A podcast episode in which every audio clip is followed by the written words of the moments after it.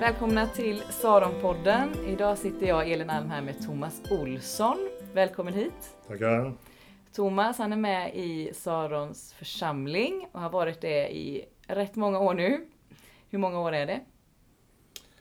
Ja, det är väl, eh, eh, får räkna här, alltså eh, 50 plus eh, 9, 59 år ja. 59 år. Det är inte illa. Nej, jag var 13 år när jag kom med. Så nu, då kan man räkna ut hur gammal jag är. Då kan man göra det om man vill det. Eh, Och idag sitter du bland annat i församlingsledningen. Ja, det gör jag. Men det är inte därför som jag har bett dig komma idag. För idag så tänkte jag att vi skulle prata om Saronkyrkans second hand. Okej. Eh, och jag tänkte att någon som har varit med i församlingen i 59 år kan eh, historien om second hand betydligt bättre än jag som har en kortare historia.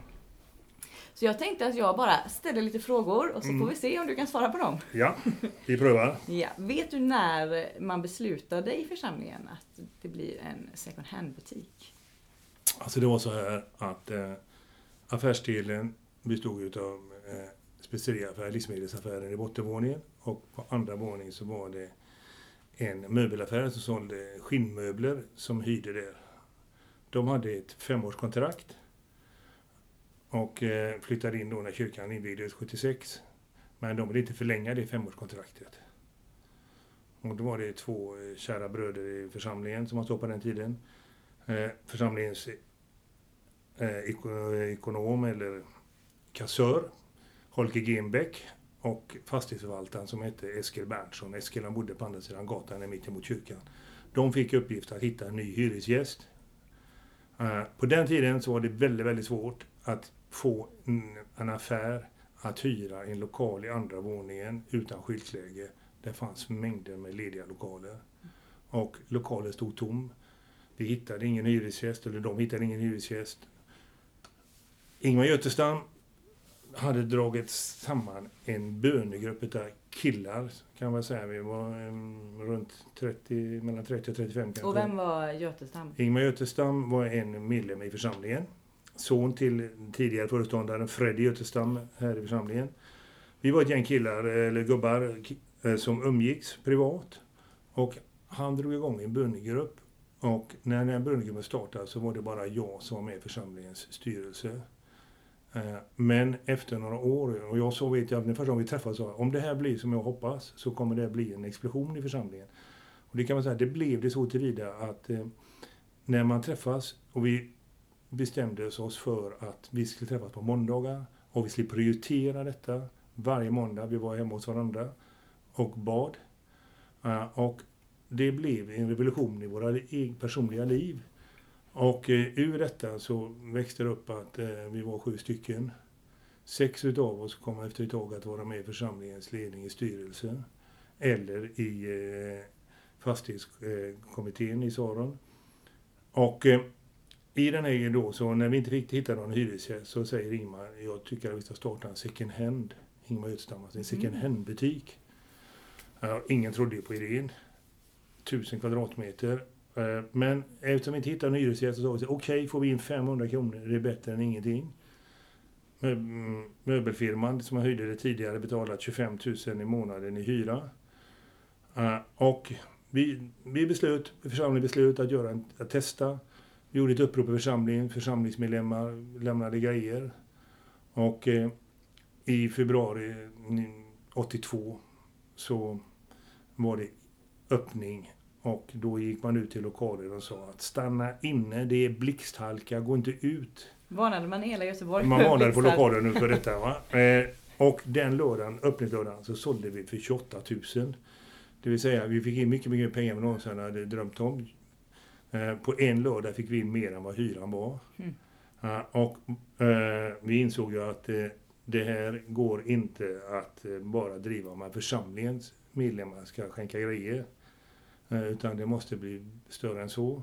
Och då gjorde vi ett upprop bland eh, i folk i allmänhet. Det man kan säga var att det fanns ju då ingen second hand-butik att jämföra med. Ingmars idé var ju fullständigt galen. Eh, och det var den första den typen av second hand i Sverige överhuvudtaget. Och när man såg hur den här växte och, hur mycket vi omsatte så blev det så att Ingmar blev ambassadör. Han åkte runt till församlingar och organisationer runt om i Sverige och hjälpte till att starta upp Second Hand. När vi nu fick in mer än hyran så beslöt vi att eh, vi skulle skänka pengar till sociala projekt i u-land. Därför att det var också då ett sätt att folk skulle kunna skänka som inte var med församlingsmedlemmar och med vetskap att pengarna går inte till intern verksamhet i Saron utan det går till att hjälpa behövande människor runt om i världen. Just Och det var säkert också en bidragande orsak till det. Och så småningom så kunde vi också ta pengar ifrån eh, omsättningen, vinsten, att sätta i Musikcafé Aveny som ju också kom då, som var ett socialt projekt i Göteborg. Just det. Så Så, när man, så, så när man startade second hand-butiken här så Mm. var det egentligen för att lösa ett problem med en tom lokal. Från början var det så ja. ja. Och sen så insåg man att det här var, fick snurr liksom. Ja, och Ingmar Götsam som då var skohandlare, han sålde sin eh, skobutik och blev föreståndare för vår second hand här uppe. Eh, och den här böndergruppen jag tidigare, var ju liksom, alla vi blev engagerade i second handen. Ut och hämta grejer. Eh, Jag köpte in en liten lastbil och vi var med på försäljningarna på, på lördagarna här. Och eh, det, och hela församlingen engagerade sig. Församlingens angelägenhet. Det var inte den här böndergruppens angelägenhet. Det blev församlingens angelägenhet. Alla kände sig delaktiga. Alla kunde vara med. Eh, pensionärer var där på, eh, och plockade upp grejer under veckan. Eh, det blev eh, mötespunkt för många pensionärer i församlingen. Att träffas och fika och eh, arbeta tillsammans. Så det blev verkligen hela församlingens angelägenhet. Mm. Och att det fortfarande finns kvar. Och kan säga, I- Ingmar Götesans profeti, profetia eller vision om second hand kan man säga har ju blivit enorm när det snart inte finns en tätort i Sverige där det inte finns en second hand-butik. Mm. Men Saron second hand har stått mall för alla butiker. Sen har man utvecklat på olika sätt, men så är det faktiskt. Fantastiskt. Mm. Och nu är det ju så att vi har som församling renoverat eh, butikslokalen under sommaren och nu är den snart klar. Eh, Och det är dags för ett nyöppnande. Har du varit och kikat på hur det har blivit? Nej, jag har inte varit uppe där alltså, men jag är väldigt nyfiken. Jag har bara sett det utifrån, Mm. den vackra fasaden.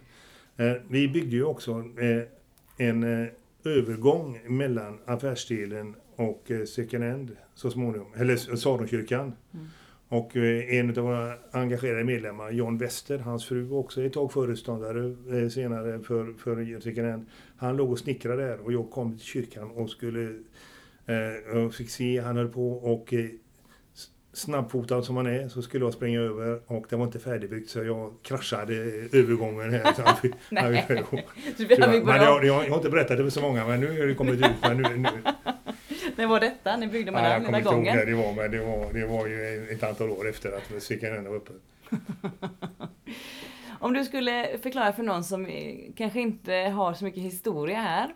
Eh, varför har eh, Saronkyrkan fortsatt att ha en second hand-butik? Varför har man som församling valt att ha kvar den verksamheten?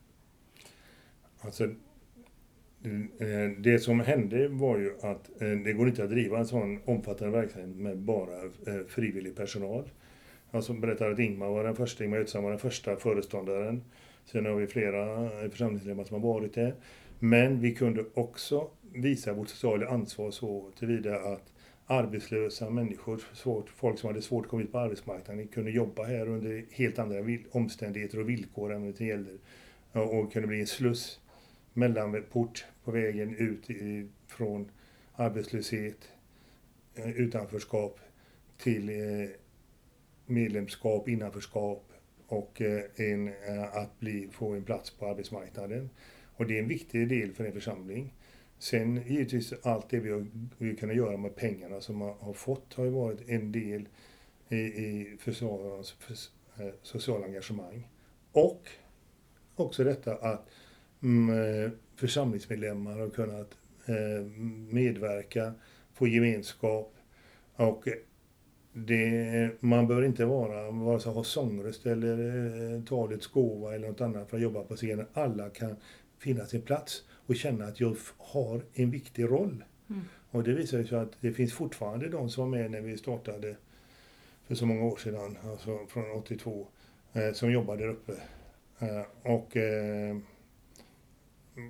alltså, vi som var med och drog igång detta, våra föräldrar som då var i den ålder jag är nu, var ju engagerade där uppe också. Så att det blev från ung till gammal.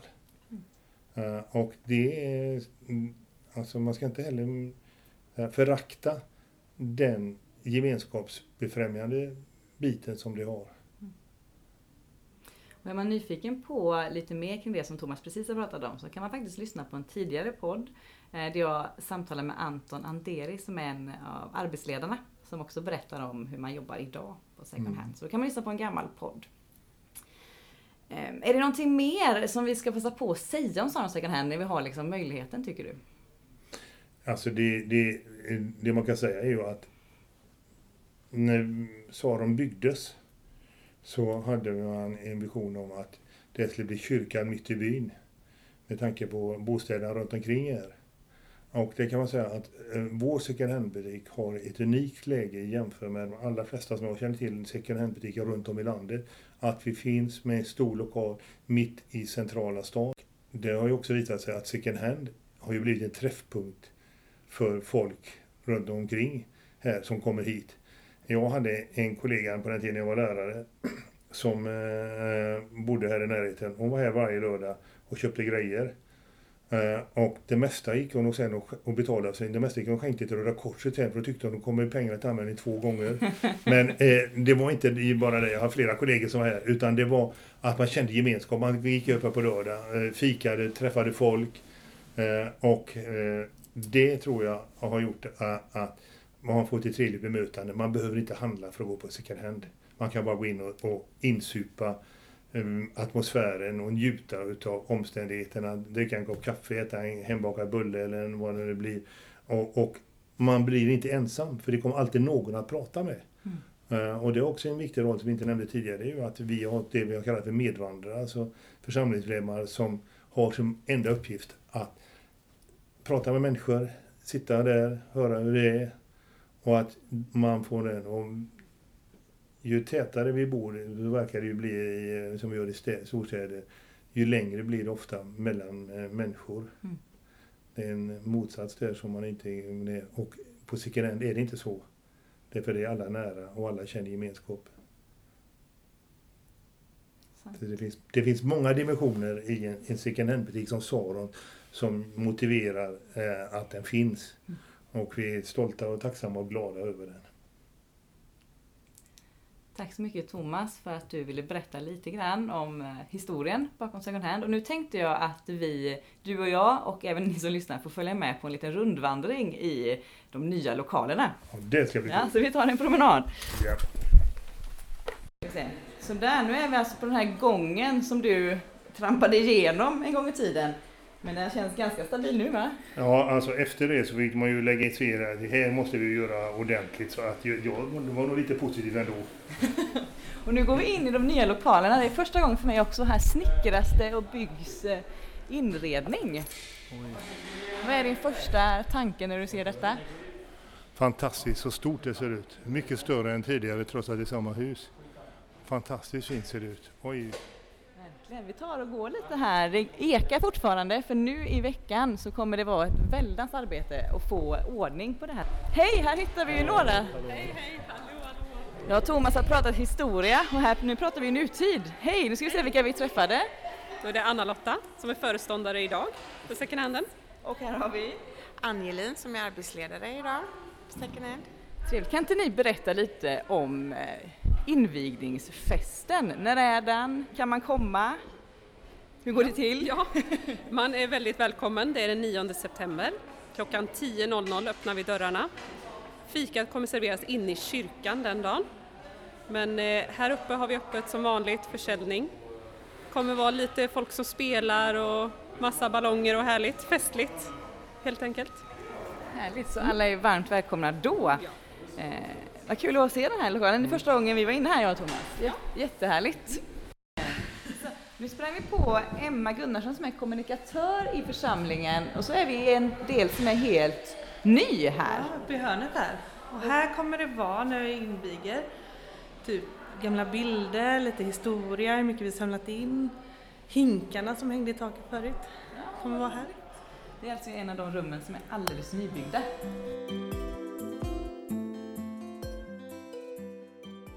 Nu sitter jag här mitt emot Lasse eh, eh, som ska få presentera sig själv lite kort, vem du är i förhållande till Saron Second Hand.